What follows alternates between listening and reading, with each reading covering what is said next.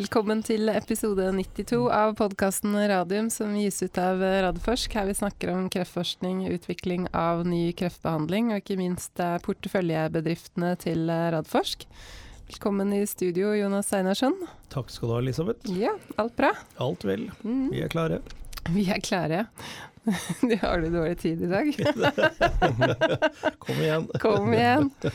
Um, aktuelt uh, skjedd siden sist-spalten vår. Den går ut, for det har, har, ikke skjedd noe på vår front i hvert fall. Nei, det har vært noe valg og noe greier. Men, uh, vært, vært, noe sånt, men uh, jeg har ikke registrert noen nyheter fra noen av våre selskaper som har vært å omtale. Nei. Men det kan man jo si om valget. Det var pussig hvor lite det snakk om helse ja. det var i dette valget. Det var, det eh, var, ikke oppe på agendaen på noen av de større partiene. Nei, vi skal ikke bli, eller mindre heller. For bli politiske, men det er viktigere med bompenger enn uh, utvikling av helsenæring i Norge i hvert fall. Det, nei, men det er fylkes- og kommunal også. Sånn er det vel. Ja, ja. vi får se, mm. se, i 2021 når det er stortingsvalg. Ja. Men uh, du og jeg skal ikke sitte her og, og tjatre alene, for vi har med oss en gjest. Jon Amund Eriksen, som er CEO i Hubro Therapeutics. Velkommen. Takk for det. Ja. Veldig hyggelig å være her. og det, det, som er så, så, hyggelig med deg, Jon Amund, er jo at um, dette er jo et nytt selskap i Radforsk-porteføljen, så det er derfor ingen kanskje har hørt om det. Men, men du er jo ikke ny innafor uh, dette feltet. Vi har jo delt uh, nesten kontor i mange, mange, mange år. Uh, ja. Men, ja. men, jeg vet jo at du har jo jobba da i, i, den gang da Norsk Hydro satsa på, på, kreftforskning. Det kan du jo gjerne gjøre igjen, så får vi sagt det også. Men kan ikke du ta oss litt tilbake i tid og så gå litt gjennom historien, siden vi har klart å få deg i studio? Jo. Det er eh, ganske hyggelig. Det er ikke veldig ofte jeg får anledning til å dra den historien. Den dreier seg om nesten 40 år. Så eh, hvis vi går tilbake da de til slutten av 80-tallet, så begynte egentlig det pionerprosjektet som har utvikla seg ganske mye immunterapi i, i, Norge. Det var da et samarbeid med, mellom Norsk Hydro og eh, Radiumhospitalet og Rikshospitalet egentlig i starten. Eh, da begynte vi å jobbe med det prosjektet som nå ligger i Targovax. Det var da muterte RAS eh. Det var da ideen basert eh, seg på å bruke antigener, altså mutasjonsproteiner. Det var da Gustav Gaudernack eh, som mm. kom med den ideen. Så siden slutten av 80-tallet så har jeg jobbet sammen med Gustav og ut til år 2000. Og Det første prosjektet var da altså, da, var du, da var du ansatt i Hydro, ikke sant? Da var jeg ansatt i Hydro, mm. ja. Og før det så var jeg eh, sju-åtte år i Nycomed. Ja. Så jeg, totalt sett så har jeg nok 40 år, tenker jeg, i erfaring i legemiddelutvikling. Mm. Forskning også. Men, men, bare for å stoppe deg litt før du går videre. Den, den satsingen som Hydro hadde da på legemiddelproduksjon, eller legemiddelutvikling, hvor stor var den? Den var jo ganske stor. Eh, på slutten av 80-tallet så hadde vel Hydro en intensjon om å bygge opp en egen divisjon for legemiddelutvikling. De hadde en divisjon som jeg tror, så vidt jeg husker heter biomedisinsk divisjon, tror jeg den mm. heter, i Hydro. Det er det som etter hvert ble Pronovo ja. til slutt, da Hydro på en måte trakk seg litt ut. Mm. Så de hadde en seriøs satsing, og i ettertid så syns jo jeg det er trist at ikke de fortsatte, for de mm. hadde jo hatt muskler og sånn til å gjennomføre de prosjektene som nå ligger ute i alle selskapene mm. i Oslo. Mm. Så, men tilbake til eh, prosjektene, så jobbet vi på 90-tallet. Så jobbet vi jo da med den tidlige forskningen og utviklingen, og gjorde alt eh, forskningsarbeidet. Demonstrerte at vaksinene virket, og gikk ut i kliniske prøvninger sånn siste halvdel av 90-tallet.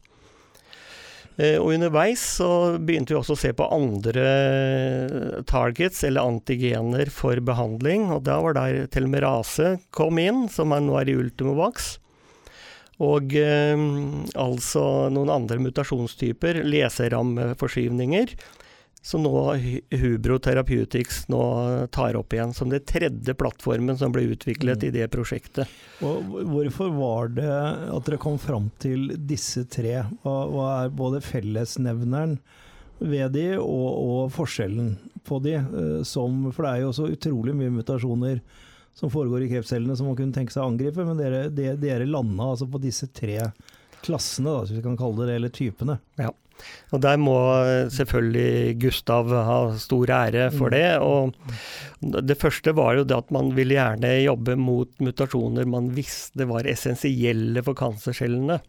Og der var jo RAS-mutasjoner velkjent. Mm. Og så lærte man seg også hvordan peptider som representerte disse mutasjonene, faktisk ble gjenkjent av T-cellene. Det var et gjennombrudd som skjedde på slutten av 80-tallet. Slik at man faktisk endelig kunne begynne å designe peptider som man kunne bruke som vaksiner.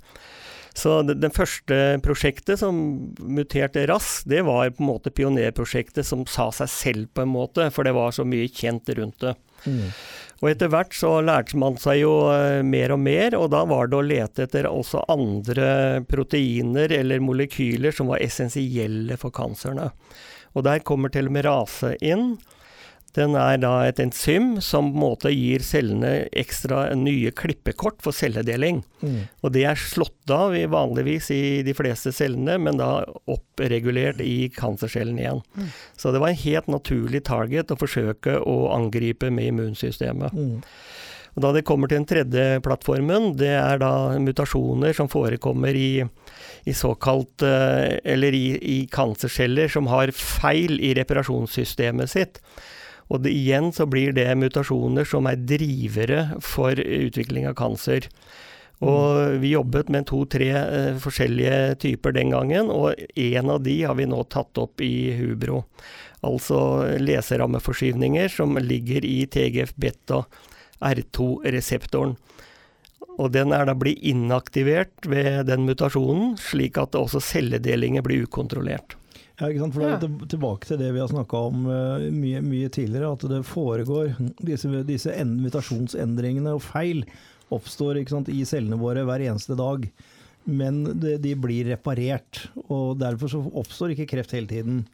Men med denne siste typen som du nå har tatt opp igjen her nå, så er jo det en som gjør at dette reparasjonssystemet ikke fungerer. Mm. Uh, og, og, hvis du kan på en måte ta bort de cellene igjen, så er det de som blir til kreftceller fordi de ikke har reparasjonssystemet. Er det riktig? Ja. ja. ja. Så, så, så, det er på en måte en litt sånn universelt mål, nesten på linje med det Ultimovox har med telemorase? Ja, veldig likt uh, det begge Targovax og Ultimox har, egentlig. Mm. Fordi mentelmerase er mer universell, for den forekommer i, i flere kancertyper. Ja. Mens mutasjoner er helt spesifikke for enkle kancertyper. Mm. Enkelte kancertyper. Mm.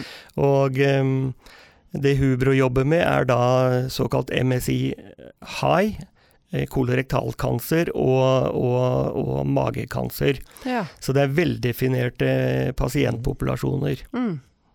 Og den MSC High, det er jo sånn eh, Er det, er det ikke Keytruda?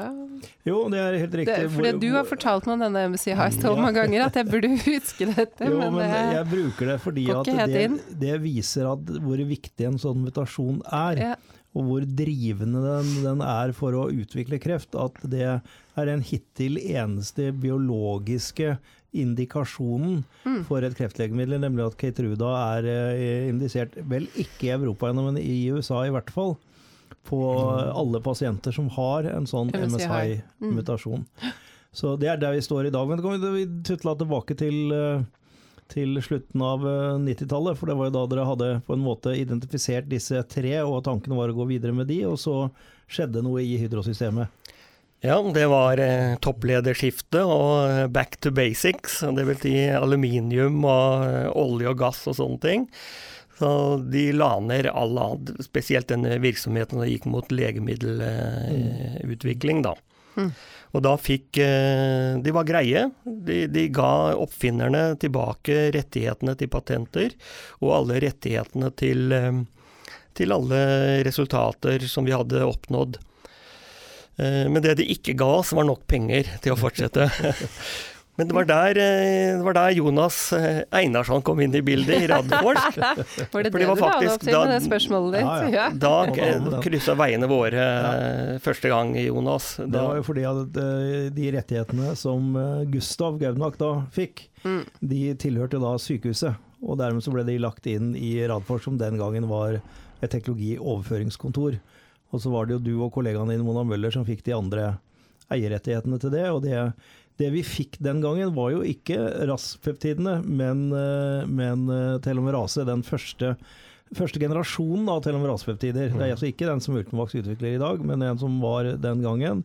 Og det var den vi begynte å jobbe med i det nye selskapet som, som du og, og Mona og, og, vi da stifta, som het Gamebox. Ja, korrekt.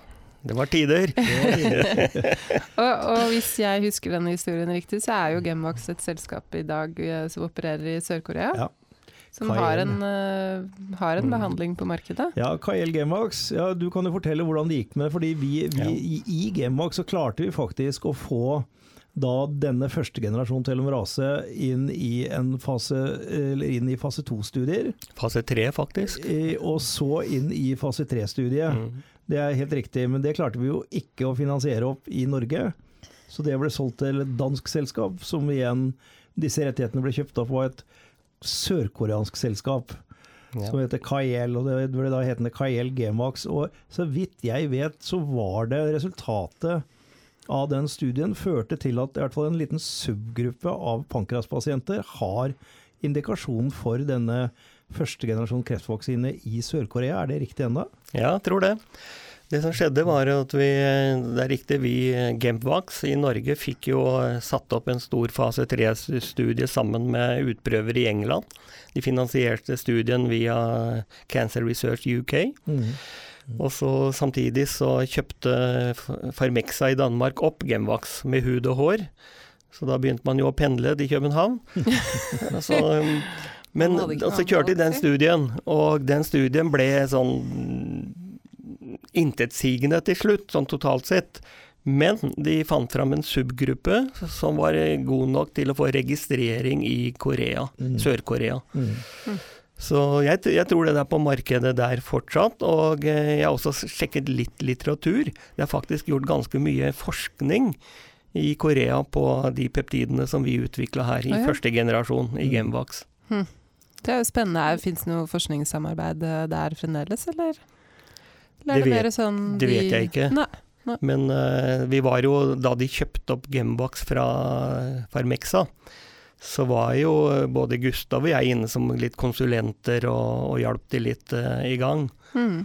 Men jeg vet ikke om Gustav fortsatt har noen kontakter der. Det kan være. Nei, men det, i det hele tatt så er det asiatiske markedet mer og mer interessant å se på. Så det er jo, det er jo spennende at de er opptatt av peptidvaksiner der. Og jeg vet jo også at uh, at det er så andre selskaper som jobber innenfor dette området som har blitt møtt med ganske stor interesse i, i Asia. Både på den vitenskapelige siden, men også på, på investorsiden. Så mm. der ligger det også muligheter for, for, et lite nytt selskap som det nye selskapet ditt. Ja. Vi er åpne, vi ser etter alle åpninger. Vi vet hva vi vil, vi gjør ikke hva som helst, men vi tar gjerne med de som støtter oss. ikke kan Nei, men, men, det jeg vet i hvert fall fra, fra Sør-Korea, er at de har veldig mange spesial, spesialistsykehus. Og de er veldig langt framme ofte på å ta i bruk eh, ny teknologi og gjør mye forskning, som du sier. Og ja, rett og slett veldig sånn teknologitung og ja. ja. Mm -hmm. Langt framme i skoene. Men uh, fortell litt mer om, uh, om Hubro. Dere ble stiftet i fjor? Ja, sent november uh, 2018, ja. Mm. Og eh, det gjorde vi jo, Jonas og, eller Radforsk og Hubro hadde jo jobbet litt sammen for Vi ville jo gjerne eh, gjøre litt sånn som vi gjorde med, med Targovax, egentlig. Fornye mm. IP og se hva var muligheten her nå. For de gamle patentene som nå ligger i Korea, de løper ut nå. Ja. Og kanskje har løpt ut, faktisk. Mm. Mm. Så da så vi på det, og vi jobbet med det, og vi fant ut at ok, her har vi muligheter. Vi gjorde litt uh, sjekkinger med patentagenter i London, som vi har brukt lenge. Mm. Uh, fant vi ut at ok, her er det muligheter. Og så gjorde vi litt eksperimenter, design og peptider, og testet ut. Så da, ok, fikk vi en god IP-basis, så vi leverte da inn en patentsøknad nå i mai mm. i år. Så det, det, var på en måte grunnlaget for at vi, vi, tenkte ok, nå stifter vi selskapet, og så lager vi en plan. Og så ja. går vi ut. Mm. Mm. Spennende. Og da er det da, som du sa, det er kolorektalkreft, og så er det mage, magekreft med, med, denne MSI high, som ja. er uh, de kreftformene dere tenker på. Ja, mm. Det er, eh, det er jo flere mm. som også Men det er der det er hyppig. Ja. Og det vi eh, jobber med, er å, å rette seg mot TGF-beta reseptor 2, som er ganske velkjent, mm. og som vi jobbet med den gangen. Vi har fornyet ting og, og sånt, da. Mm. Uh, og den forekommer jo i, uh, veldig hyppig i disse kolorektalkancerpasientene og magekreft. Mm.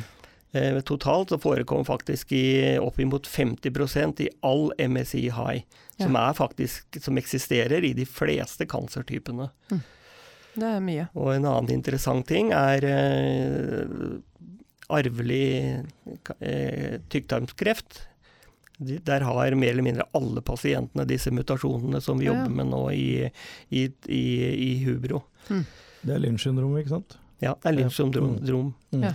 Og der er det, som vi også hadde litt i tankene i gamle dager, at ok, her har vi et, kanskje en mulighet for å bevege oss litt i, i profylaktisk retning ja. innen kanserimmunterapi.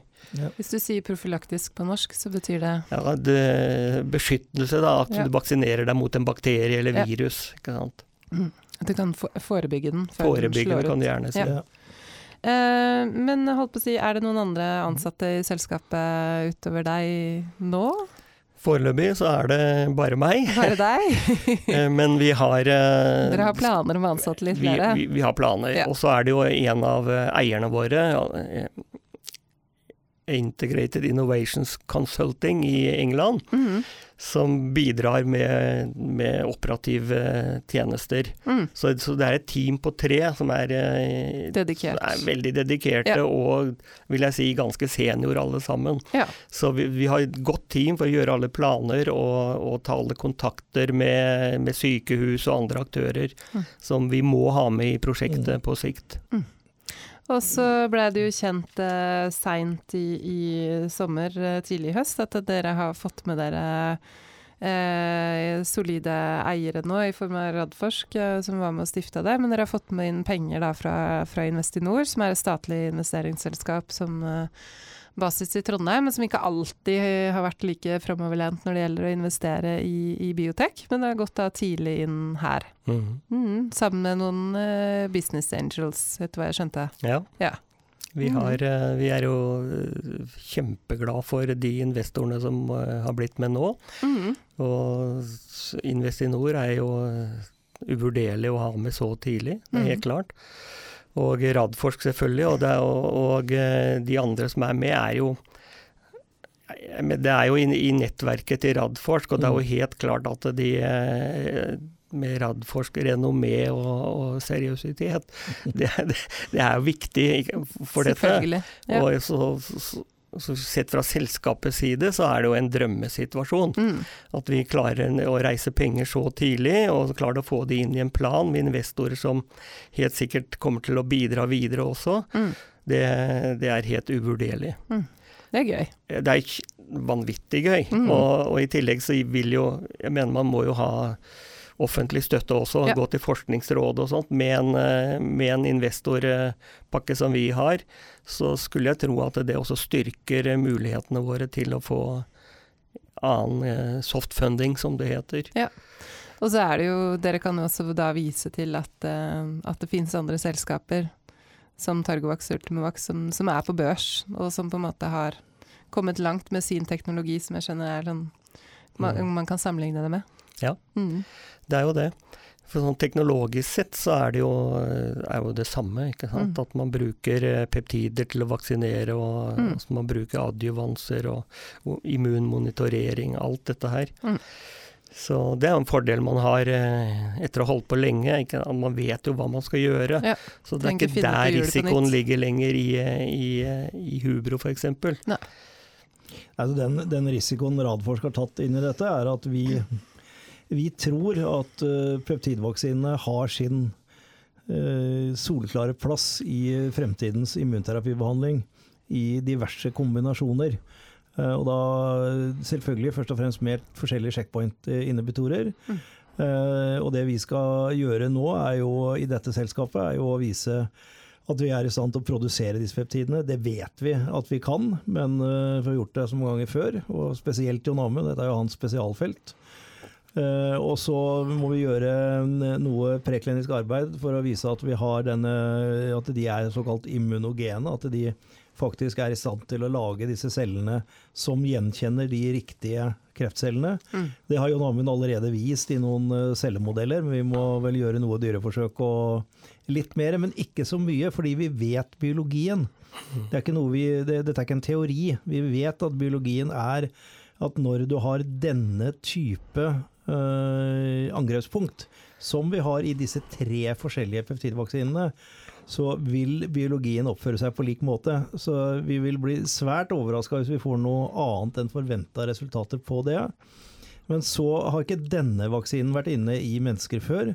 Så da blir jobben å det, og det er det til han Robert Miller, som han heter, som skal, skal hjelpe Jon Amund med, med dette, blant annet. Eh, og at de sammen, og da ved diskusjon med Key Opinion Leader, skal sette sammen den riktige fase 1 og fase 2-studien for å vise først og fremst da safety, eh, hvor igjen vi ikke forventer noe, noe problemer. Og så da forhåpentligvis vise noen tegn til klinisk effekt. Eh, og dette tar noen år. Men det, det, tar ikke mange år, og det koster ikke all verden penger når vi ser hvor, hva ting koster i vår verden. Eh, og hvis dette feltet utvikler seg slik vi tror, så vil det være behov for å kombinere også forskjellige typer peptidvaksiner. Så vi ser helt klart for oss muligheten å kombinere denne peptidvaksinen med f.eks. vaksinen til Ultimavax eller raspeptidene til Torgovax. Eh, og det gir oss jo en del muligheter til å sondere terrenget der for forskjellige synergistiske effekter og eventuelt samarbeid mellom disse selskapene. Og så en cocktail av dette pluss noen checkpoint-inhibitorer. Ja, for altså, det var det, jeg skulle mm. spørre om. Mm. Så, vil det da testes ut i, i kombinasjon med en checkpoint-hemmer, sånn som Ultimovax uh, gjør det nå?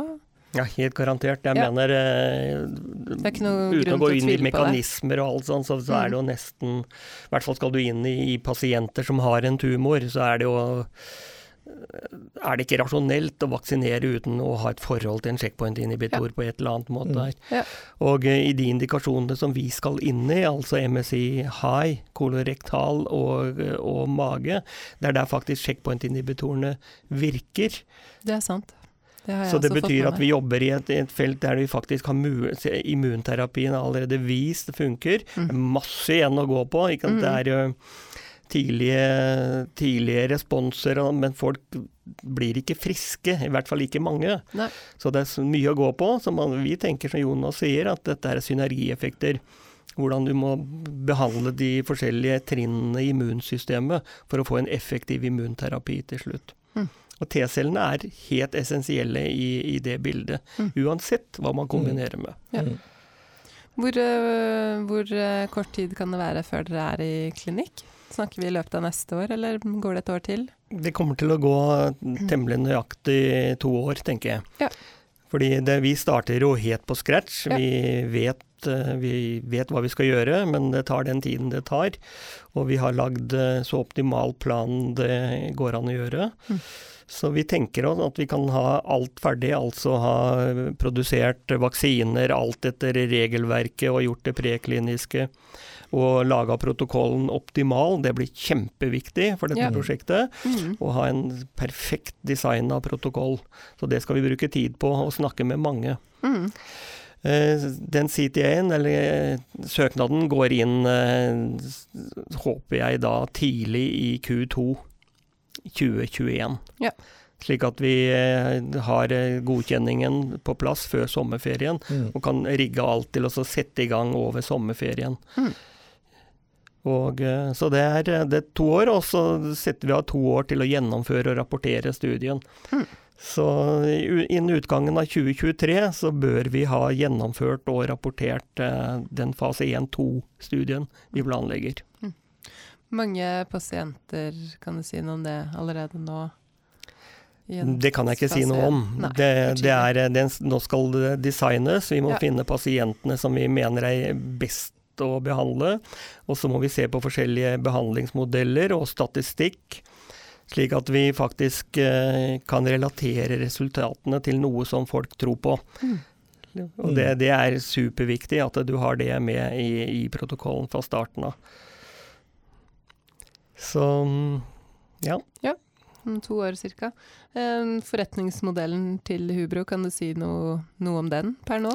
Ja, den er eh, veldig klar, egentlig. Vi, skal, vi, ser på oss som et lite selskap. Vi tar ikke mål av oss for å ta et produkt i markedet. Det tror jeg blir altfor stort. Det kan endre seg i framtiden, men vår modell er å være tidligfaseselskap og skal eh, gjøre gode fase 1-2-studier, slik at vi en, kan selge en god dokumentasjonspakke for en større partner å ta produktet videre på. Ja. Det, er, eh, det, er, der vi er, og mm. der tror jeg vi kommer til å være. Mm. Så jeg tenker heller at vi går inn og ser på nye teknologier, og, og begynner å få de opp på samme nivå, før vi eh, tar det skritt og tror at vi skal ta ting til markedet. Mm.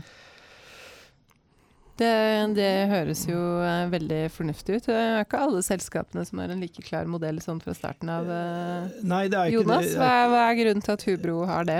Uh, grunnen til det er at vi tror at om disse tre til fire, si fire års perspektiv, så tror vi at det vil være et behov for og et marked for peptidvaksiner som har kommet så langt i utviklingen. Mm.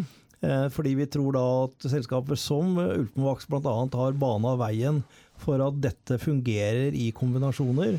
Og da vil de som sitter med checkpoint-inhibitoren, og spesielt innenfor disse diagnoseområdene, ha et behov for å også få sin peptidvaksine til å kombinere med sin eller sine forskjellige checkpoint-inhibitorer. Ja. Det er klart at det, det, det, det er, sånn, er utgangspunktet en gambling sånn, men det er det vi har lykkes med før, å kunne klare å se litt inn i krystallkula og se hvordan vi mm. tror markedet vil se ut om fire år. Mm. Mens et selskap som Ultimovax har bana veien. Eh, så det var ikke nok for de å ha dette. De må nå vise at det, dette fungerer det i forskjellige mm. kombinasjoner med checkpoint-inhibitorer. Så, så skjebnen til Hubro faller mye sammen med hvordan vi, vi får, får, resultater ut fra Ultimovax. Og, og da, da, vil jo det også kunne åpne for synergimodeller. Og Ultimovax utvikler jo også en, en eh, ny type teknologi rundt dette med, med å koble adjuvansen inn til, til, peptider mot med tanke på en profylaktisk eh, vaksine. Og hvis de lykkes med, med det og har utvikla det videre, så kan det være at det kan være samarbeidsprosjekter innenfor mm. de, de områdene også. Eh, og så vet vi også at det, det ligger en, en, den tredje vaksinen ligger der i, i Targovac, som, som, ikke, som, har valgt å ikke satse på å legge ressursene sine inn der nå, fordi de valgte å synes det var, det var, det var nødvendig å, å, legge inn den andre plattformen. Men det kan jo også åpne muligheter her for synergi og visse samarbeidsmodeller i fremtiden, uten at vi vet noe om det nå. Så, mm. så ser vi for oss at det blir et felt hvor vi kan operere innafor. Mm. Det er spennende. Det bør jo være veldig spennende for investorer også. For her kan det jo for en gangs skyld være ganske kort utviklingstid uh, i, i, et, uh, i, et, marked. Ja, litt dristig kanskje å, ja. å legge det på, sånn helt på bordet, men, men Jon Amund og jeg har diskutert dette veldig mye mens vi jobbet fram med dette med patentet og, og disse andre tingene vi gjorde da i fellesskap før vi stifta selskapet. Da fungerte jo Radforsk mer som en ren TTO mm. for Jon Amund. Mm. Altså at vi, vi, var med Jon Amund og investerte en del penger i å gjøre disse tingene, under da forutsetning av at hvis det viste seg at det ikke gikk, så skulle det være kostnader som Radforsk skulle dekke. Mm. Men hvis det fungerte, så skulle vi konvertere våre utgifter, og Jon Amund konverterte sine utgifter fra sitt uh, eget selskap inn i Hubro. Uh, og da satse på, på den utviklingen. Og da når vi snakket om det, så, så, så mente vi at nå, nå, nå, nå, ser markedet sånn ut at nå kan det være rett øyeblikk å legge en sånn markedsstrategi. Så får vi se. Ja. Mm. Og, og, det er jo på en måte Det vi ender opp med da, er jo en solid pakke. Så får man ja. se da hvor, hvor, interessant den blir. Men uh, det er jo ikke dermed sagt at man ikke kan bestemme seg for å ta det videre. Nei, nei. Det, det, er jo en helt annen sak, men ja, det, det, er, er ikke vår modell nå. ikke sant? Ja. Mm. Mm, så bra. Eh, jeg veit ikke om jeg har noe annet jeg lurer på. Ja, har du? Har du? du har vært, vært, med å starte ta, dette her. Ta disclaimeren at jeg er styreleder både i Hubro og Ulsmavak, så ta det med en klype salt. Ja, det det, ja. jeg forsøker å være så nøktern jeg kan på dette. Jeg, ja. jeg syns det er moro at vi kan eh, jobbe videre innenfor dette, og at det hører med på en måte til hele nybrottsarbeidet som uh, Jon Amund og, Mona Møller og Gustav Gaudnak uh, med flere Steinar Omdal på klinikksiden uh, drev med allerede på, på 80-90-tallet. Og den store forskjellen fra da og til nå, det er at nå skjønner vi i hvert fall en god del av biologien bak hvorfor vi mener dette skal fungere. Mens det var ikke fullt så godt veldokumentert vitenskapelig den gangen. Det gikk litt mer på hunch og magefølelse. Men det har jo vist seg at de hadde rett, da. Ja. Mm. Men, men, men, det måtte gå så lang tid for å overbevise på en måte ja, både medisinen og vitenskapen og mm. industrien at dette har noe for seg. da. Bare, eh, det som var klart, man jobbet med T-celler, det fikk vi til ganske fort. Vaksinene har alltid virka. Ja alltid virka, og en vaksine kan ikke gjøre mer enn indusere immunresponser. Men så har det alltid vært den kritikken på at ja, men det virker jo ikke. Og da tenker man på kliniske effekter. Mm. Og der begynte man jo det, på 90-tallet allerede, og det store problemet var jo immunsuppresjon. Det var man klar over, mm. men han visste ikke hvordan man skulle løse det. Nei. Og det var mye med så, såkalte T-regulatoriske T-celler som demper eh, i, måte, immunangrepet, og det var andre mekanismer. Mm. Så det var der det virkelig store gjennombruddet kom. Det var med checkpoint-inhibitoren som tok bort immunsuppresjon. Mm. Da, T, da, da virka T-cellene også. Mm. mm. Så da, da, begynner brikkene å falle på plass. Og det er mange flere brikker som skal på plass. Men at T-cellene skal være der, og checkpoint-inhibitorene må være der, det er helt klart. Ja. Mm. Så bra. Det, det syns jeg var så godt sagt at jeg tror vi skal uh, la det være siste ordet. Og så er vi da tilbake neste uke med, med Nordic Nanovektor etter sin uh, R&D-dag. Yep. Det blir veldig spennende. Jeg kikka på programmet deres uh, i stad, og det var mange eksperter fra inn- og utland som skal prate. Ja, det blir mm -hmm. kjempespennende å se om de kommer med noen nye resultater. Det kan være det. Jeg tror de skulle Denne, meldte det at de skulle være noe nytt. En, endelig medium duration of response. Ja. Så kan man diskutere hvor viktig det er. Det dreier seg om én pasient om man lever litt lenger eller ikke. Ja. Sånn at, øh, vel, men, men uansett, tallet blir tallet, så det er fint. Men så blir det jo han, vår spanske venn igjen, som vil vel gjør en ny sånn konkurrentanalyse. Mm. Og da sett i forhold til Bayer sitt preparat, som det har vært veldig mye diskusjoner om nå, som kanskje vel var årsaken til at Nordic Nanovektor falt såpass mye når de meldte om sin utsettelse. Ja, fordi, fordi det, er så sterk konkurranse. De skulle bli tatt imot mm. av Bayer. Ja. Og så har Bayer nå meldt at de har fått en forsinkelse. Ja. Og så får vi få litt svaret på dette fra vår spanske venn, da. Ja. Hvem, eh, hvem, leder egentlig hvem, i dette racet? Hvem leder i dette racet? Det, det, det, er det vi må se på. Mm. Eh, så de som eh, eventuelt har noen spørsmål om, om Nordic etter R&D-dagen, kan bare sende inn i de vanlige kanaler. og så sier vi takk for oss. Takk for i dag. Takk for i dag.